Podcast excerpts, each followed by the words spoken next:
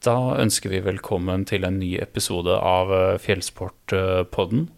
Og med meg i dag så har jeg en eh, gjest som eh, bor ganske langt fra Sandefjord, nemlig Gina. Velkommen. Eh, tusen takk. Har du lyst til å fortelle litt om deg? Ja, det kan jeg gjøre. Så jeg heter Gina, og jeg er svensk.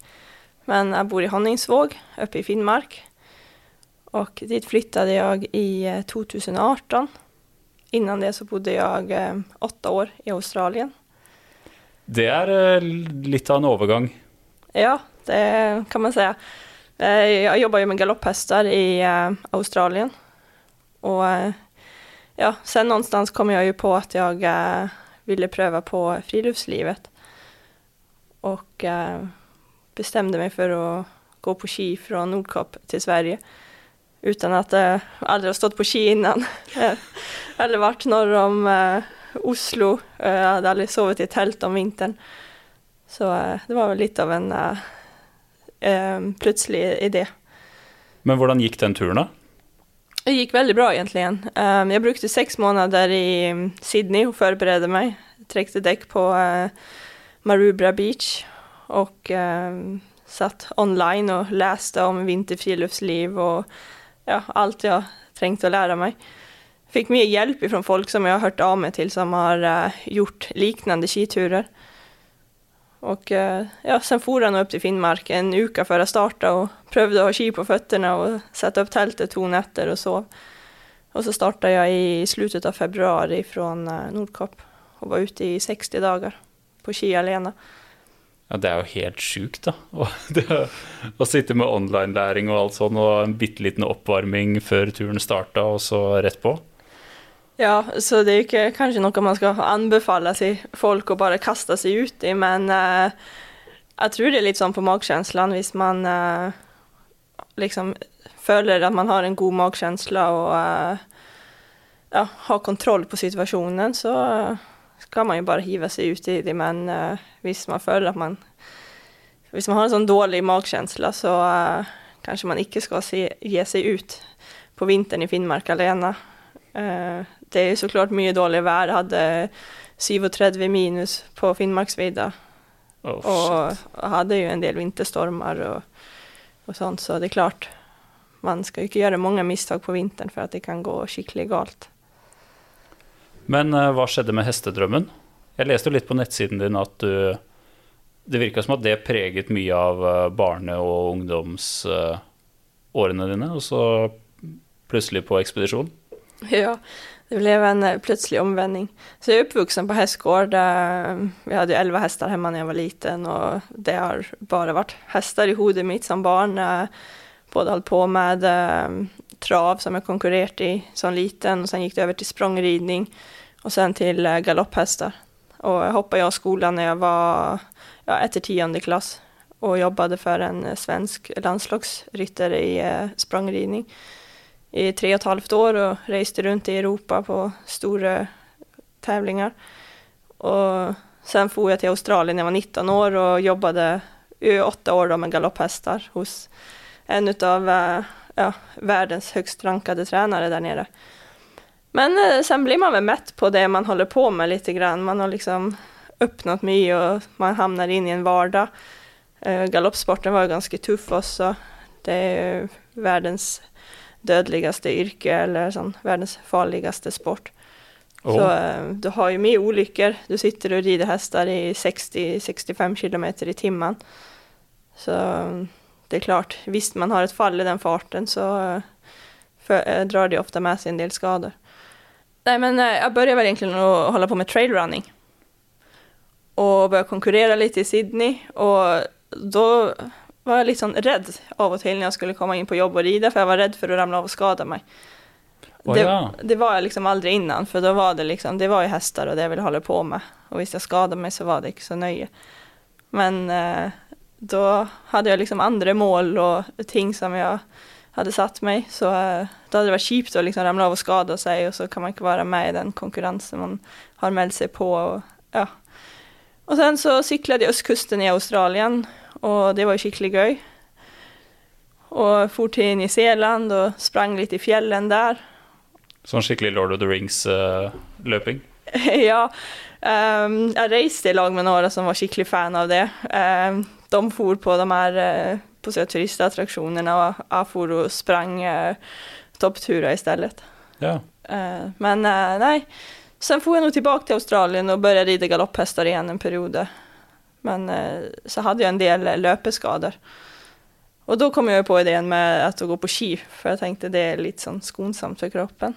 Ja. Og var da sugen på et langt äventyr. Og satt og googlade litt om uh, ja, skiturer i skandinaviske fjellen. Og eh, kom, ja, Nordkapp kom opp. Jeg hadde aldri talt om Nordkapp. Og så tenkte jeg ja, men Europas nordligste punkt, så der må jeg starte da denne turen. Og så ville jeg liksom inn gjennom Finland og så ned eh, svenskefjellet. Og eh, sen var planen å åke tilbake til Sydney, men eh, det ble Finnmark i stedet. Det er jo litt kult, da. ja. Det er sånn litt impulsivt. Men jeg angrer jo ikke på det. Det gjør jeg ikke. Stilig. Men hva driver du med til daglig nå om dagen, da? Nei, ikke så spennende som uh, å ri galopphester. Jeg har ingen sånn fast jobb oppe i Honningsvåg nå, utan jeg vasker en del, og så guider jeg på de her turistbussene. Ja. Og litt sånn andre typer så kongekrabbturer og ja, litt av alt mulig. Så det er vel det jeg holder på med nå. Og sen har jeg jo gått Norge på langs siden jeg kom opp der i 2019. Og så gikk jeg over Baikalsjøen i 2019. Og sen kom jo da denne covid, så var det jo ganske stilt. Jeg leste litt om den turen du hadde gjort over den eh, Baikalsjøen, men kan du fortelle, kan du fortelle lytterne litt om den uh, turen? Ja, um, så Baikalsjøen eh, den ligger i sydøstre av Sibirien. Og det er jo verdens uh, på seg eldste og uh, djupeste innsjø. Den er vel 1642 meter, med et snittsdyp på 500-600 meter. Oh, ja. Så uh, ja, stor. Den er 700 km lang. Så jeg gikk på isen fra sydligste til nordligste punkt. På ski? Nei, jeg gikk på foten med sånne crampons på føttene. Oh, ja. Og, eller jeg startet med crampons, men etter første dagen så hadde jeg altså, gnagsår ved var sånne crampon satt under foten. Så eh, det gikk ikke så, så bra. Så eh, sen hadde jeg en annen type crampon, så prøvde jeg den neste dag, men eh, jeg fikk nye gnagsår. Så jeg måtte bytte til på sånne løpesko jeg hadde med meg, mindre da, sånne ispigger. Så jeg gikk med det. Og så uh, gikk vi på 14,5 da, så jeg gikk på ganske hardt over vannet, men fem-seks mil siste uka. Men uh, det var kaldt der, minus 42 i tre første dagene på natten. Og da gikk du med pulk uh, eller sekk, eller? Jeg hadde en pulk etter meg. En liten pulk, så um, det var Det gikk ganske fint å gå med pulk, så den glider jo fint på, uh, på isen. Men du kommer jo inn i områder med uh, mye oppbrytende is, for det er jo ganske mye storm, stormer der. Og da bryter isen opp, så uh, de områdene der det har vært mye vind når vannet har fryst, er jo bare sånn isflak som ligger på hers og tvers. Så det er litt verre med pulken. Men var det sånn fast and light-aktig tur? Ja, litt sånn. Um, jeg valgte jo ganske lite telt med bare enkelttelt med en teltduk. Det angrer jeg på, for det er høy luftfuktighet, og så var det jo dritkaldt der. Så det var jo kaldt i teltet på natten. Mye kulde som kommer opp fra isen altså, når man ligger på den. Hvordan ble det med kondens eh, og sånn, da? Ja, det var helt jævlig. Ja, det var det. det var, hadde så mye ising på teltet at jeg klarte liksom ikke å uh, koste bort liksom den der uh, rimet og det du får på innsiden, for de frøs sånn. Så uh, nei, det var mye ising. Ja, fy søren. Men det har vært ganske sånn varierte ekspedisjoner hittil, da. Hva er det som trigger deg med en ekspedisjon? Eh, bra spørsmål, egentlig. Sånn, eh, som når jeg gikk Norge på langs, det er jo egentlig bare en ren naturopplevelse. Det var sommerstid i lag med samboeren min, så det var sånn skikkelig kosetur. Uh, Bajkalsjen var jo litt sånn mer å teste meg sjøl mentalt, liksom, og ja, pushe på da litt og gå lange etapper. Sen uh, er det utrolig fint på Baikalsjøen. Altså, isen er jo Ja, den er helt utrolig. Det er jo över en biljon sprikker over hele isen. Så det er jo som et kunstverk å gå på. Ja. Så eh, det var jo en, en skikkelig sånn naturupplevelse, så det var vel litt som hvorfor jeg valgte Baikalsjøen. Og eh, første turen da fra Nordkapp til Sverige, det var vel litt mer etter å ha reist ganske mye i utlandet. Og har reist da veldig lite hjemme, kan man da si. Så nysgjerrigheten på egentlig liksom oppleve skandinaviske fjellen og lære litt om urbefolkningen. Når jeg sykler østkysten i Australien, så sykler man innom mye av de her aboriginal communities. Og møtte folk liksom i det hverdaglige. Og fikk mye spørsmål om liksom samer og det her. Og da oppdaga jeg jo liksom at jeg har jo ikke lært meg noe om samer eller liksom vår urbefolkning i skolen. Så uh, det var vel litt å finne ut om samer går med folkdrekk på fjellet. Ja, ja, jeg skjønner. Litt sånn. Så um, har jeg ikke lyst til å møte Altså komme ut på tur og liksom møte dem i det hverdagelige livet er jo noe annet enn å boke en organisert turisttur. Så da kan man gå på ski fra Nordkapp til Sverige, så får man oppleve det ordentlig. Hvordan var eh, Norge på langs-turen? Hvor starta dere og slutta? Eller hvilket av alternativene Ja, så vi starta nede i Lindesnes, og så gikk hjem da, på en måte. Ja. Uh, nei, det var en skikkelig fin tur. Vi starta 6. mai, tror jeg det var. Og så hadde vi ski med oss i starten, gikk på ski over Hardangervidda. Og sen sendte vi hjem skidene og gikk på foten da resterende. Så hadde vi sykla Lofotlandet, blant. Men eh, nei, det var en veldig, veldig fin tur. Hvilket område i Norge er det som satte mest uh, uh, spor, spor i minnet? Oi, det er et vanskelig spørsmål, for det var så mange utrolig fine områder. Men eh, Dividalen var veldig, veldig fint. men veldig, veldig mye mygg også. Ja. det var veldig mye mygg der. Vi hadde med hund, men vi sendte han hjem i Lofoten pga. på grunn av mygg og det. Vi har en pointer med, så ja. det er jeg glad for at vi gjorde.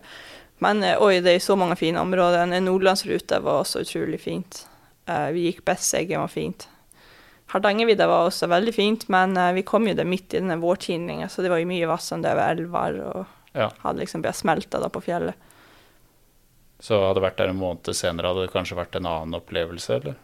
Ja, ja, eller tidligere, liksom, og kanskje hatt den der ordentlige vinteren. Men ja, det var jo veldig mm. fint. Og så var liksom, været var vel litt opp og ned på Hardangervidda. Vi hadde jo fine perioder, men det var jo litt sånn regn også. Den siste dagen så pissregnet det, og det var bare vann. Ja. Var, vi vassa det i vann ned, så myrområdet som hadde gått i oppløsning. Jeg skjønner. Men nå skal jo du ut på en ganske ekstrem tur, eller ekstrem ekspedisjon. Ja, det er Stemmer. Har du lyst til å fortelle kort hva det er den går ut på? Ja. Nei, så jeg planlegger jo å dra til Sydpolen i år. Eh, fortsatt litt avhengig av å få inn de, det siste av finansieringen. Det er jo en ekstremt dyr ekspedisjon, om ikke annet. Men eh, planen er jo da å gå alene fra Hercules Inlet og så inn til eh, Sydpolen og prøve meg på det kvinnelige speedrekordet. Utrolig kult. Og det, du skulle, eh, vil dra i desember, var, var, det sånn? Ja, så det er åpent fra eh, november sånn cirka til midten av januar for å gjøre de her type ekspedisjonene på Sydpolen. Hva koster en sånn tur? Du nevnte jo litt det der med finansiering. Ja, så um, Antarctica Logistics, som er det foretaket som uh, tar inn ekspedisjonsfolk, de uh, tar i år 800 000. Så det er en kostnad som kan variere. Sånn, varierer vel mellom en 650 til ja, 800 000 nu då, som det er i år. Så det er den største kostnaden. Og sen er det jo litt sånn her rundt omkring kostnader, så uh, man havner vel på sånn rett over millionen, da. Wow. Ja. Ja, det skal litt finansiering til for å Ja, det skal det. Og eh, det er mye jobb å få inn de her sponsorene. Det er, er vanskelig. Hvordan gjør du det, da? Nei, det er mye telefonsamtal og ja, finne da foretak som kan se spennende ut, som kanskje vil bli med da på en spennende reise. Og uh, masse mail og alt sånt her. Så nei da, det ble mye jobb enn det. Og det er jo litt sånn her Det dreper vel ikke turgleden av det, men altså planlegging av ekspedisjonen er jo sykt artig. Men eh, sponsordelen er veldig, veldig tung. Ja. Så hvis man bare hadde kunnet sitte og eh, nøte på utstyr og liksom selve turforberedelsene, så er det litt artigere. Men hva er eh, den kvinnelige fartsrekorden, da? Den er på 33 dager nå.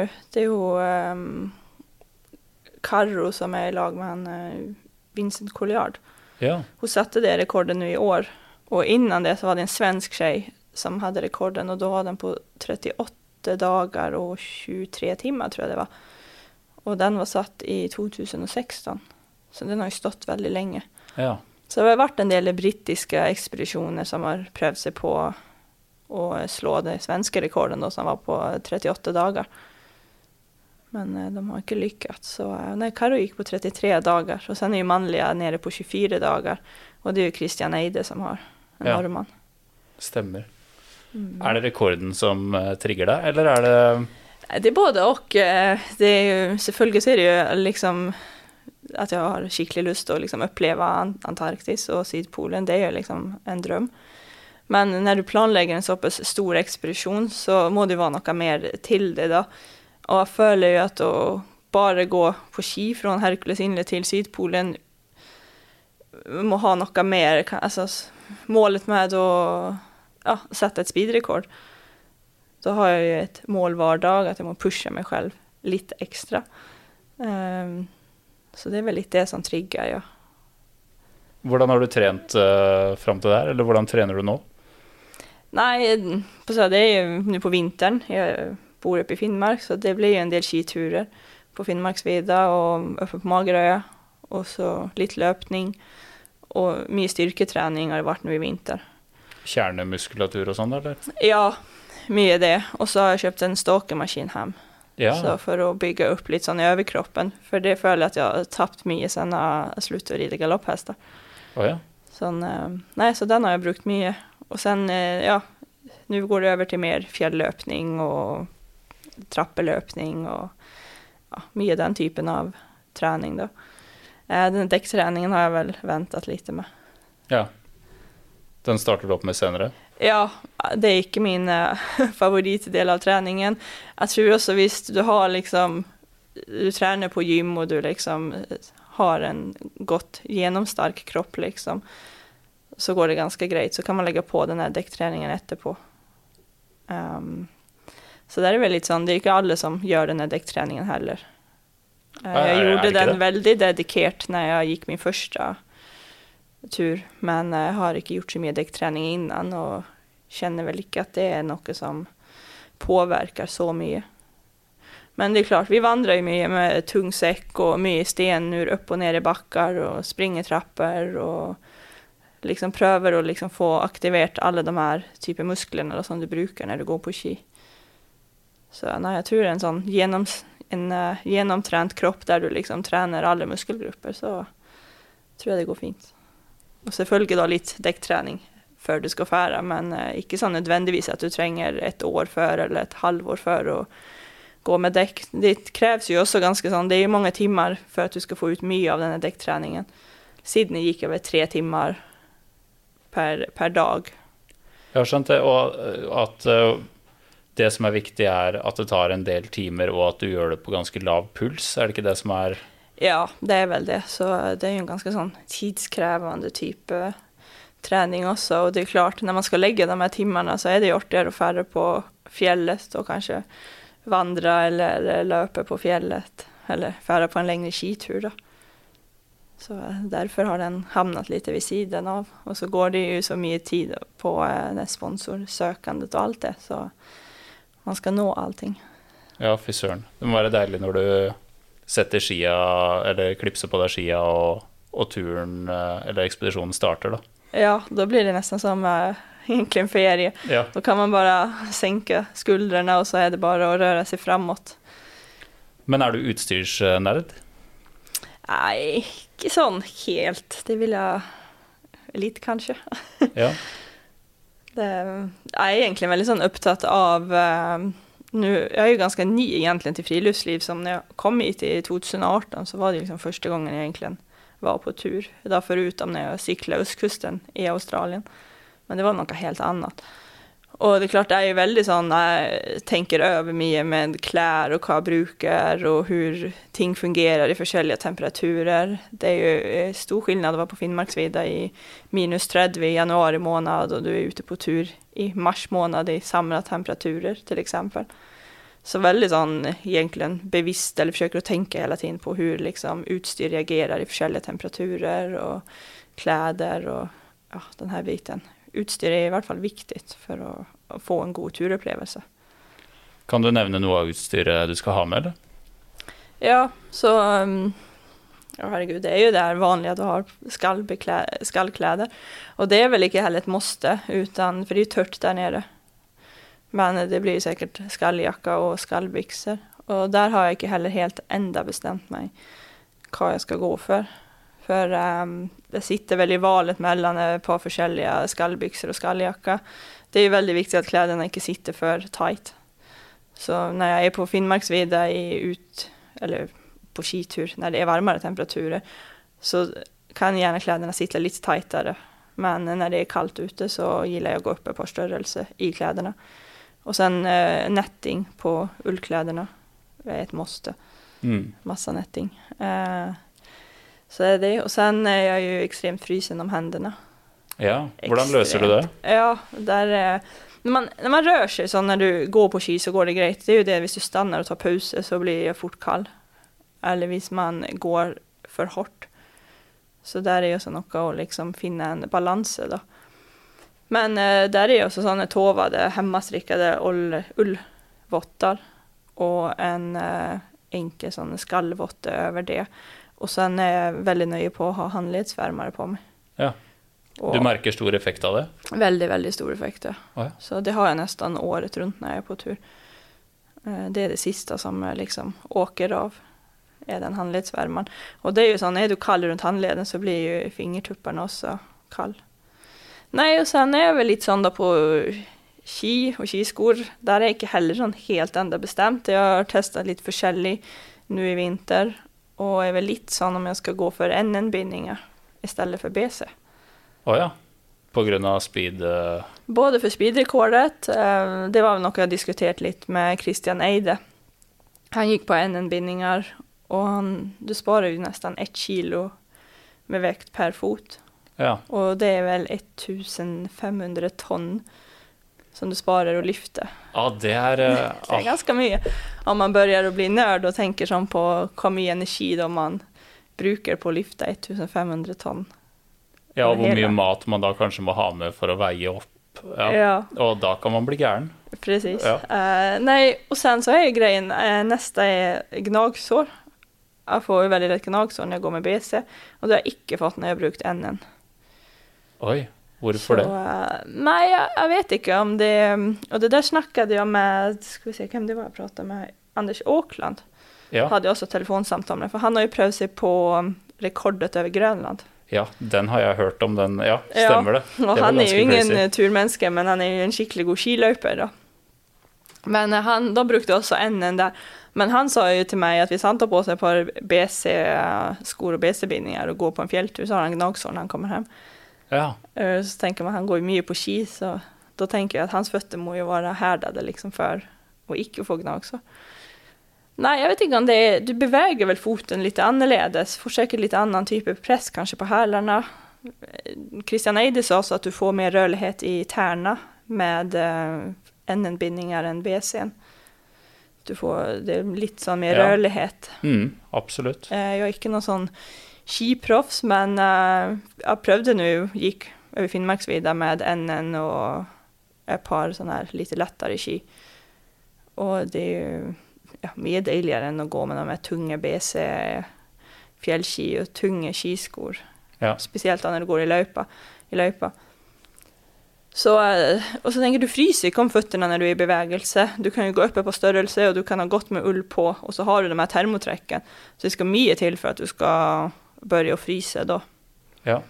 Så eh, nei, jeg tror at det kan være Jeg tror det blir det NN. Men eh, de skia du står mellom, da, kan du si hvem det er? Nei, der har jeg vel prøvd den her fra Åsenes, eh, Race 48, den heter. Mountain Race? Ma- Mountain Race 48, ja, tror jeg. svart med litt sånn Grønt ja, eller noe mm, på. Stemmer. Ehm, og den er jo en lett ski. Och sen är det ju annars liksom en tyngre vanlig, kanske en Børge Osland fjällski eller något. Och sen har jag från Fischer också prövat en uh, sånn ja, lite lättare typ, uh, vel ikke en helt klassisk, en markaski er det det heter. Ja, Markaski. Ja. Ja, den letteste varianten som de har der. Og så den er, var, Nå husker jeg ikke jeg vekten helt der, men den var vel ganske lik. Det var ikke så stor forskjell i vekt fra den og Åsenes. Litt forskjell. Eh, Åsenes er kanskje litt mer robust da, tenker jeg. Det var kjipt å få en knekt ski der. Um, Men du tar med ekstra, eller? Nei, jeg tror ikke jeg blir å gjøre det Og da er det kanskje sånn bedre å gå for Åsenes, den der eh, Mountain Race skien. Og så kanskje sette NN-bindinger på dem. Og så ha med ekstra binding, for der er vel litt, den er jo litt skjørere enn en BC-binding. Ja. Går sønder litt lettere. ja, det vil jeg tro. Er det jo då. Ja, det er veldig kult. Men hva med telt og sovepose? Der har jeg vel eh, også gått ned i til et topersonstelt. Jeg liker gjerne annars att ha litt sånn større telt når jeg er på vintertur. Eh, Hilleberg, eh, Hva det heter, Namach, det heter. Ja, 2 GT, eller? Ikke GT-en, uten den som bare har to teltstengene. Ja, stemmer. Det har jeg prøvd ut nå. Så det er vel litt det teltet som eh, det luter åt. Det er et fantastisk telt, da. Ja, det er det. Men eh, det er klart, hadde jeg funnet gått til Norge på langs på ski f.eks., exempel, så hadde jeg valgt et større telt med um, større tunneltelt. Garantert. Så du skal ikke ha det store, gode forteltet og Nei. koke mat i og alt sånn? Nei, nå skal jeg jag eh, Spare vekt? Spare vekt og gå fort. Nei, og så tenker jeg sånn på Sydpolen så det blir sånn du sitter nå inne i teltet og det er ikke som når jeg er på fjelltur på vidda eller her i Norge så liker jeg å grave ut og liksom sitte eller nesten kunne stå opp i teltet og kose meg. Mm. Så nei.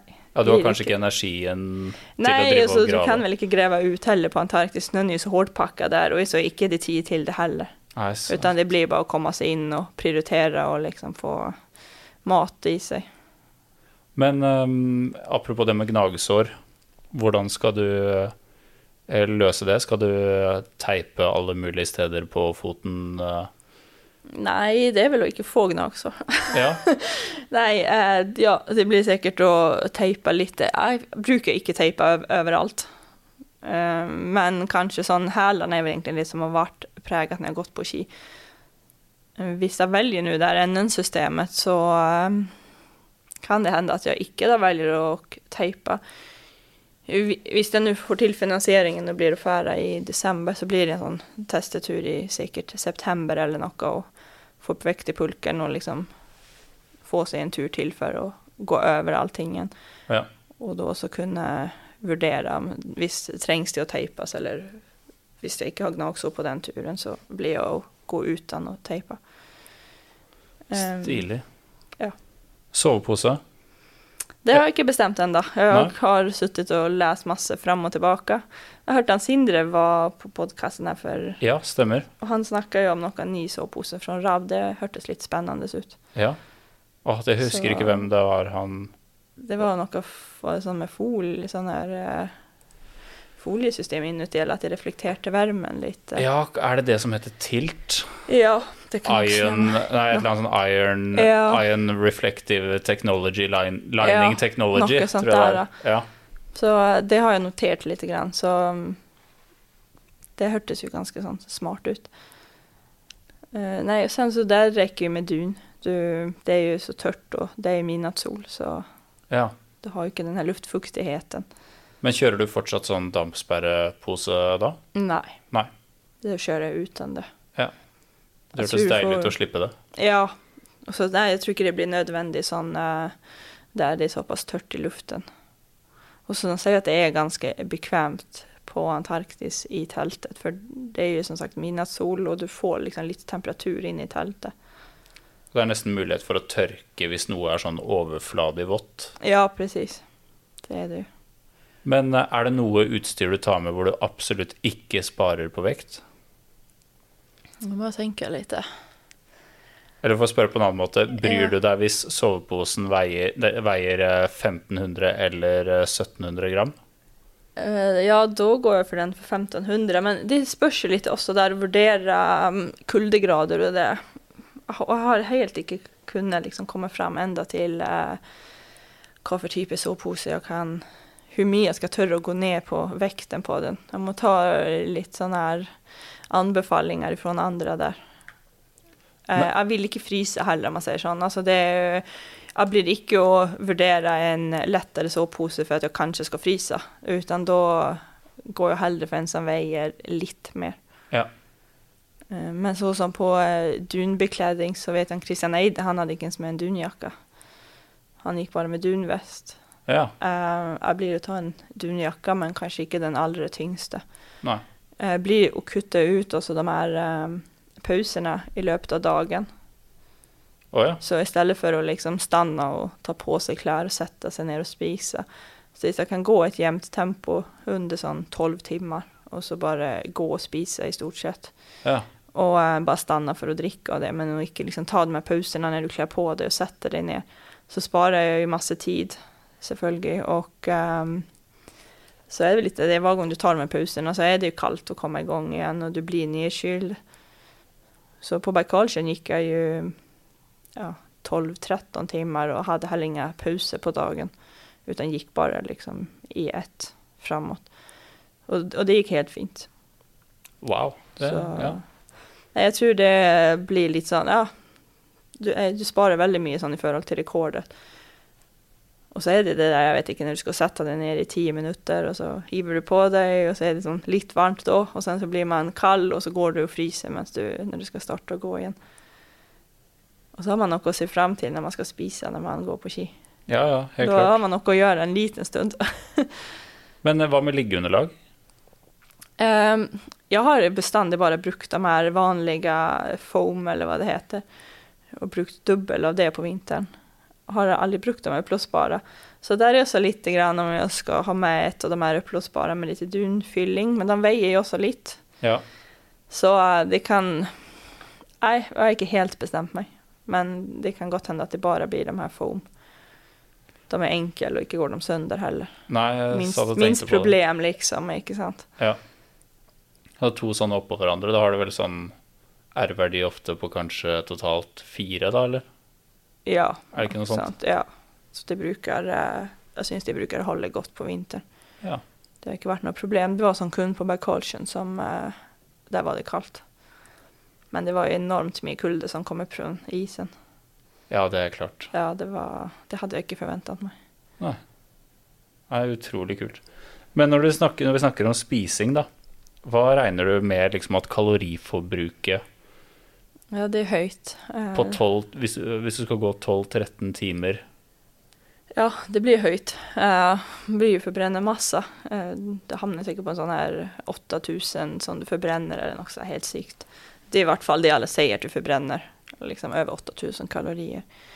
Um, sen så er jeg litt sånn, jeg vet ikke, forbrenner man akkurat så mye? Det er vel ikke sånn helt forsket på heller om det er en sånn høy, hög siffra som er liksom tatt. Du klarer ikke å spise 8000 kalorier på en dag. Nei, du For gjør ikke det. skal jo liksom klare å uh, ta det opp også. Um, från tidligere turer så har jeg gått ned veldig lite i vikt. Når jeg gikk fra ski fra Nordkap til, til, Sverige så hadde jeg jo vært skadet et halvår innan. Jeg hadde en sånn stressfraktur i, i benet. Så løpningen låg litt på is og klarte å spise meg opp ganske mye då. Och så gikk jeg den skituren og når jeg kom i mål og hoppa på vekta, så hadde jeg ikke gått ned ett enda kilo. så det var ganske kjipt. Det var- Du trodde du skulle på tidenes slanketur, og så ja, bare ja, ja. ja. og så kom jeg hjem og hoppa på vekta, og så har liksom aldri vært så tung. Det Men äh, ja, Backalsjön tror jeg også gikk ned så ett kilo, eller ja, to kilo tror jeg gikk ned der. Og Norge på langs var også bare to kilo. Huh. Så samboeren sambon min gikk ned tror jeg, 10 kilo, hun gikk ned 4 kilo eller noe sånt. ja. Men um, sen sier han vel at menn eh, forbrenner mer enn kvinner på ekspedisjoner. Ok. Ja. Leste jeg noe någonstans. Så sen varierer det sikkert svært fra person til person. Hva skal du spise? Nej, det blir jo den der havre, klassiske havregrynsblandningen til frukost. Och sen eh, antingen kokosolja, sån här, eh, kan laga typ i sådana kuber nästan och frysa då. Ja. Och lägga i maten för att få fett. Och så smör också. Och eh, sen under dagen så blir väl eh, blandning av liksom nötter och så typ energiproteinbarer. Må jo också liksom läsa på lite där på forskjellig på vekten och komma få det i kalori, kaloriintag. Skal du Eh, lage de selv? Nej, jeg blir sikkert å kjøpe sånne. Ha litt lite forskjellige merken jeg har prøvd der. Og sen blir det en del tørka kjøtt. Uh, tørkefisk. Ikke så der kjempeglad i det. Jeg spiser det, men det er vel ikke favorittmaten. Men det er svært mye energi i det i forhold til vekta. Og mye protein, da. Ja, du har Så fortsatt på i løpet av dagen? Det du Ja, altså jeg tenker Ja, det tenker sånn å spise litt på i løpet av dagen. I, jeg tenker litt sånn at du spiser protein i løpet av dagen som kan være litt sånn tyngre for kroppen å bryte ned. Kanskje du ikke vil spise rett før du skal sove. Um, sen var det noen som sa til meg at kroppen har vanskelig for å bryte ned proteinet når den er i bevegelse. Ok. Jeg vet ikke. Jeg har liksom på alle de forskjellige turene jeg har vært spist veldig sånn blandet. Og har egentlig ikke hatt noe sånn større problem med verken energinivåene eller hva kroppen har klart å både ta opp og klare å liksom få ja, ta imot, eller hva man skal si. Eh, nudler, til eksempel. Dobbeltpakka med nudler liksom, med smør og olje til middag. Turmat. Ja. Frystorkat. Så det er jo det klassiske. Sikkert lite chips, det er mye fett i. Lett. Salt. Men kjører du dobbel uh, frysetørka porsjon da, eller? Nei, det blir bare vanlig. Det blir én uh, Ja. Du må jo havne helt sinnssykt i minus, da. Tror du ikke det? ja, men hvis du klarer å liksom legge Addere liksom type fett, altså smør i det, eller olje, og så tørkefisk til eksempel, som er mer protein, og liksom addere det opp sånn. Jeg tror ikke jeg klarer å, å, for å spise to sånne svære pakker. Mm. Det er, det er mye som skal Som kroppen skal ta opp. Sjokolade. Og Ja. det er jo liksom masse kalorier i en sjokoladepakke. Bare det. Så, så kan du så klart spise en turmat i løpet av dagen, liksom. Ja. Så det er jo sånn. Men eh, du får jo ganske mye vikt og volum også. Og i hvert fall hvis du ikke skal sette deg ned og ha en pause, så er jo ikke det kanskje den maten som du velger å spise på dagen. Nei. Utan eh, nej, en, en god frukost eh, tror jag. Och så bara ha, alltså addera mycket fett, olja och typer sånt då. Och protein. Men eh, hvor tung tror du pulken blir, da? Jeg håper å komme ned i sånn cirka 70 kilo. 70 kilo ved start? Kanskje under 70 kilo til og med. Ja. Men eh, alltså, då ska jag ha vært veldig flink med vekten og pakningen. Det, utgangspunktet er vel en sånn 100 kilo pulk liksom på en sånn tur. 110 er det vel noen som sånn sier. Men nei, jeg tror det er fullt mulig. Der har jeg også prata med en engelsk um, sånn polfarer, eh, Ben Sounder heter han. ja. han ja, Uh, og han har vel også vært han er en sånn her uh, utstyrsnerd. Ja. Så han sendte over meg litt sånne her um, lister og det der han har planlagt også en sånn här speedet till ja, Hercules innledet Sydpolen men som ikke har blitt av. Og der var han nede på 65 kilo tror jeg, på vekt på pulken, eller 60 eller noe, på en slik tur. Er det fuel og mat som er de største punktene der, da? Ja, det er vel det som det meste av vekten ligger på. Så det er klart, det er jo ikke så mye du trenger i, i utstyr liksom. Du Nei. bruker jo de samme klærne, og så er det jo telt og sovepose og liggeunderlag, liksom. Ja. Men så er det litt sånn på kjøkken, du kan sikkert gå ned og kastroller og liksom hva du bruker for kopper. Altså alle gram blir fort mye vekt. Ja, every peanut counts. Ja. uh, ja. Det er faktisk. Nøtter, så klart, på tal om peanut. ja. Så det blir også litt sånn mat å spise. Det er jo mye, mye bra fetter i. Mye energi. Eh, ja. Og så nevnte du jo brenner, det glemte jeg i stad. Hvem er det du tar med? MSR XGK, eller? Eh, det er den som har vært eh, valet hele tiden. Men jeg har hatt en del problem med min som brenner hjemme nå på siste tiden. Så var det en kille som gikk Norge på langs på ski nå vinterstid, som bodde hjemme hos oss. Og han brukte et japanskt merke, tror jeg det var. Husker ikke hva det hette. Det var en veld, den var veldig, veldig fin brenner. Den trengtes ikke å førvarmes. Ja, multifuel-brenner? Jeg bensin bare, tror Ja. jeg den var. Ja. Herregud, hva det hette, det merket. Men eh, du trengte liksom ikke det her førvarmeren, så du fikk de her stora, store At du kan få de her lågorna liksom. Som. Å ja. Det er spennende. Og sen så skal vi se, den brente seg helt ren etterpå. Og det var veldig lite deler, og så var den ekstremt lett. Å ja. Og eh, han var Han har vært masse på tur. Han var i, i 50-åren og hadde gått på tur siden han var på seg i 20-åren, tror jeg. Man hadde vært på Grønland også, og Svalbard, og overalt i hvert fall. Og han har testet masse forskjellige brenner. Og han mente på at den her var helt, ja, helt fantastisk. Oi, stilig. Så um, jeg har skrivit upp märket hemma och den ligger på den här listan av uh, en pryl som jag vill få prövd ut lite grann. Ja. Men eh, nej, det var masse forskjellige fordeler, men den var ekstremt lett också. Eh, jag har hatt litt problem med MSR-brenneren, at den har sipret ut bensin jeg har stengt den av.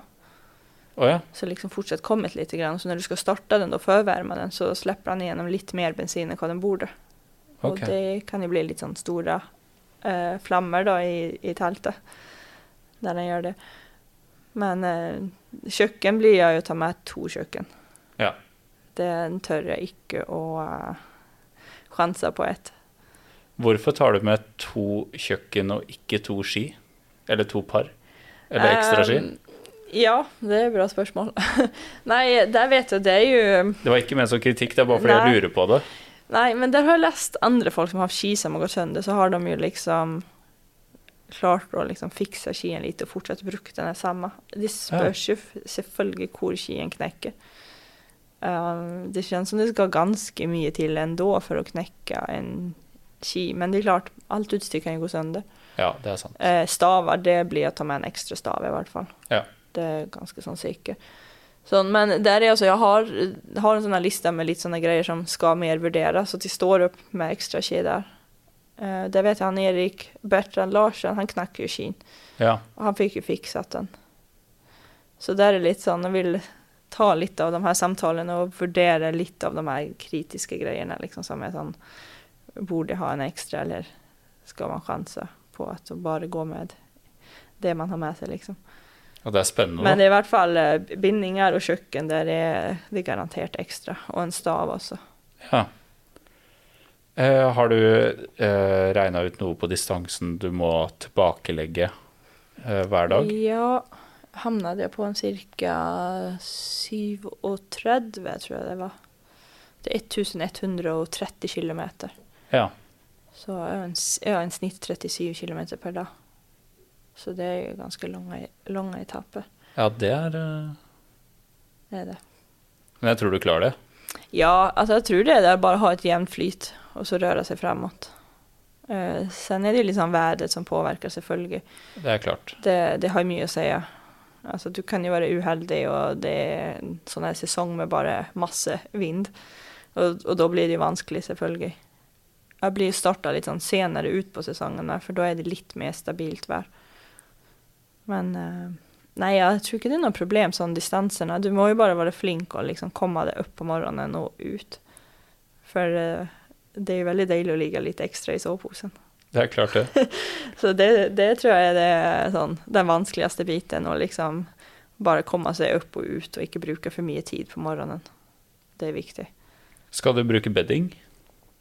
Eh, ja, det blir jeg å bruke. Det er veldig deilig, da. Ja, det er enklest. Slipper å Det går fortest også. Smack, smack. Ja. Og så Det er veldig, veldig fint. Hvilken eh, skal du bruke, da? Vet du det? Nei, eh, nå har jeg hemma en fra Rab, Ja. men der er jo en lettere variant ute. ja. Som jeg har sett, så eh, det blir sikkert å spare noen gram. Den trenger jo ikke å være mer robust än... Der kan man gå ned på vekt. Om man får en liten ripa i den, så fungerer den jo fortsatt. Ja, ja, ja, absolutt. Ja. Den er veldig kul, den spikan, men den veier sikkert ja. mest av alle sammen. Er det den du kan bruke som stol, nesten? Og Ja, du kan bruke som stol, og den har egen teltlomme og Ja, den er veldig fin og- annars. Ja. Nei, den er veldig fin annars. Spesielt sånn om du type går ja, med Norge på langs på ski eller noe, så er jo den helt genial. Men du, du skal kanskje ikke ha den eh, stolen i teltet og masse sånn luksus? Det er rett Nei, inn og Det blir ikke det. Så eh, nei, det blir inn i teltet og bare få i seg maten og legge seg i soveposen. Fy søren. Så blir det ekstra deilig når man kommer til Sydpolen og kan komme inn i varmen og spise en skikkelig god middag. Ja, for der er det en slags base. Ja, så de har en sånn ja, camp der, type Antarktika Logistic. Ja. Så eh, nei, det tror jeg. Jeg tenker sånn den følelsen å komme fram til polpunktet etter så lang tid helt alene. Og det er jo liksom ingen inntrykk for uh, hodet. Det er jo bare hvitt og blått. Det er jo liksom ingen f- fjelltopper. Jeg vet ikke, Du har vel der i starten noen fjell du kan se, men sen er det jo bare når du er oppe på platåen, så er det som en øken. ikke sant? Det er jo bare hvitt og blått. Det er ikke som På Baikalsjøen så har du liksom isformasjoner å gå og kikke på. ja, Det kan være trær eller hvor man nå er. Så det er jeg jo veldig nysgjerrig på. um, den mentale biten av en sånn type tur. Å være liksom så alene og uten noe inntrykk da, for hjernen. Så, Men ikke noe um, podkast eller lydbok eller Nei, jeg blir nok å ta med meg noen ting å lysne på. Jeg bruker ikke lytte på ting når jeg er på tur. På bagasjen hadde jeg sånn tre podkast med meg som jeg lytter på. Så eh, kanskje Spotify holder i en måned.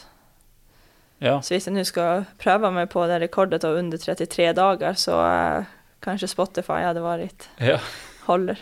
ja det Så nei, men det er sikkert greit å ha litt sånn ja, Musikk tror jeg ikke jeg blir å lytte på, men i hvert fall noen podkast eller noen lydbok. Uh, men jeg har ikke lyst til å gå uh, på seg dag ut og dag inn med det. Jeg syns med det er sånn mye styr med det. Du må jo ha nesten en kabel, ikke i stedet for de er trådløse, skal nå Ja. lades og det, ikke sant. Så det, jeg syns også det kan være mye styr, spesielt når det er dårlig vær. Skal du holde på med de her eh, med podkast og med en kabel opp til øret og ja. Minst mulig styr. Ja, Du skal ikke lære deg et nytt språk, f.eks.? Nei. Nei. Jeg vet han Alexander Gamme gjorde det. Ja. Jeg hørte, jeg hørte en lydbok eh, som han skrev akkurat, og da var det Nei, i dag har han vært på tre timers eh, språkkurs da, på, eh, på iPoden. ja, det er jo ganske smart. Altså, han, eh, man får brukt tiden til to ting på en måte. Nei, men jeg, tenker, jeg syns det er ganske sånn greit også å gå i sine egne tanker. Man er jo hele tiden liksom i, som- ja, oppe i liksom eh, så mye ting som skjer i hverdagen, og folk og så, så det er jo litt sånn her å stenge av helt også, da. Det blir jo Det er litt sånn spesielt. Men la oss si at det skjer et eller annet som gjør at du ikke eh, tar rekorden. Mm. Hvordan, eh, hvordan vil du takle det? Nei, på sett det går helt greit. Det, det er viktigere da å komme seg i hvert fall inn til polpunkten. Eh, men selvfølgelig, altså rekorden trigger jo.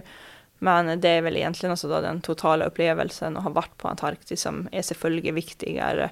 Å liksom få med seg den her eh, erfaringen og opplevelsen av å ha vært på en sånn plass der du liksom ja, får testa deg selv mentalt og som jeg sa, liksom der å ha så lite inntrykk til hjernen. og for det jo liksom ingen annenstans på hele verden der du kan fære der det liksom er så få inntrykk da for hjernen. Der du ikke møter en menneske. Det er inget dyreliv. Det er liksom Det blir så rent der, på en måte. Wow. Det så, så det er liksom det som jeg er veldig nysgjerrig på. Det er vel det som har mer ekspedisjonen det kanskje handler om. Men sen også ha det her rekordet da, og klare å pushe seg selv mentalt og liksom ja, se hvor mye man egentlig klarer å pushe seg selv og kjenne seg skikkelig sliten hver dag. Ja. Jeg tror sånn, Hvis jeg ikke hadde liksom hatt rekorden som et mål, så hadde jeg fort kunnet bli litt sånn lat også. Da, og da kan man kunne ligge litt ekstra i soveposen. og ja, Litt mer bekvem, da kanskje mer enn lat å si, men ikke sant? du kan ta noen kortere dag når du føler for det. Og, men med rekorden så må du hele tiden også da være på topp på det. Mm. Så ja, nei, det blir spennende. Ja, det blir virkelig spennende. Og så håper jeg du har lyst til å komme tilbake, eller at vi ringer deg for å få en oppsummering da, etter at eh, du er ferdig. Ja, det må vi få til. Det hadde vært utrolig kult. Vi har gjort det med Sindre Kolbjørnskar, eh, blant annet. Ja, Litt Ja, sånn follow-up. eh, ja det, må jeg jeg fulgt med på. Det var jo helt rått det som han gjorde med alle de 2000-meter-topperne i Norge. Ja. Det var tøft. Jeg er veldig stolt over at han er på julebordet vårt, liksom. Ja, Så, det vil jeg tro. Nei, det var helt rå ekspedisjon. Artig å følge med på. så snart skal vi ringe inn for å få oppdatering på Han var jo akkurat i Ja, i Nepal. Himalaya, ja. Ja, i Ja, Himalaya. Mm. Stemmer.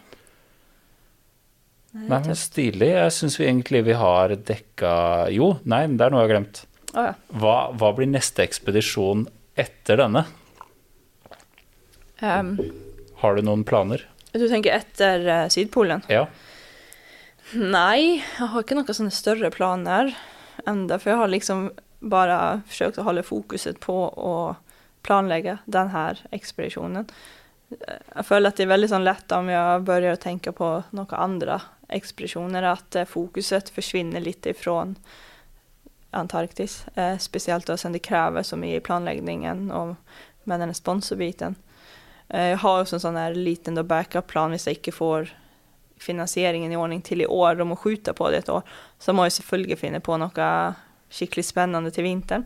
ja. Men det har også bestemt meg for at jeg ikke skal begynne å tenke på hva det kan være før en, eh, jeg vet at liksom nå får jeg ikke til Sydpolen i år. Ja. For da blir fokuset å lamle inn litt på plan B. Ja. Så um, nei, jeg har ikke liksom tenkt så mye på det. Men sen er jeg jo mye på tur sånn rundt om i Finnmark. Det er jo liksom hele tiden forskjellige topp man ikke har vært på, eller gå en ny rute over Finnmarksvidda, eller sånn her. Hver dag er en ekspedisjon i Finnmark. Ja, det er jo så mye liksom Man har jo sånne ja, masse, masse, masse turmuligheter og liksom plasser som er veldig sånn Som ikke så mange folk går til. Svärholthalvøya til eksempel er jo en utrolig fin uh, turområde som eh, svært lite folk bruker. Hva sa du det het? Eh, Ja, Så den ligger jo mellom uh, Porsangerfjorden og Laksefjorden. ok. Uh, Den er en- hva det kan være, en fem-seks mil en vei. Ut ifra liksom vei til du kommer ut til Spitsen, da. Svärholtklubben. Og um, der er jo ingen, befo- ingen folk som bor der. Det er et litet hytteområde i, mot Laksefjordsiden. Og så tror jeg det veldig står en eller to, tre hytter på Porsangersiden. Varav det er bare den her som er lengst inn nærmest veien, da, som brukes. De andre to er vel De brukes ikke så mye lenger. Ja. Så eh, jeg har gått den på ski fram eh, i 2020, tror jeg det var. Første mai-helga. Men det er også et område som er ekstremt mye dårlig vær. Ekstremt værhardt. Og vanskelig å ta seg til. Men så mye fin natur der ute. Det er ekstremt spektakulært. Stilig. Nei, men da tror jeg vi runder av, ja, og vi ønsker deg selvfølgelig masse, masse, masse lykke til, og håper at den siste finansieringa går eh, i orden. Og at det blir ekspedisjon i desember som planlagt. Ja, tusen hjertelig takk. Og tusen takk til deg for at du tok turen og ville være gjest her i dag. Og så gleder vi oss til eh, follow-up-episode når du kommer trygt hjem igjen. Ja, det er bare hyggelig. Da tror jeg vi bare sier god tur, ja, og ha det bra. Tusen takk.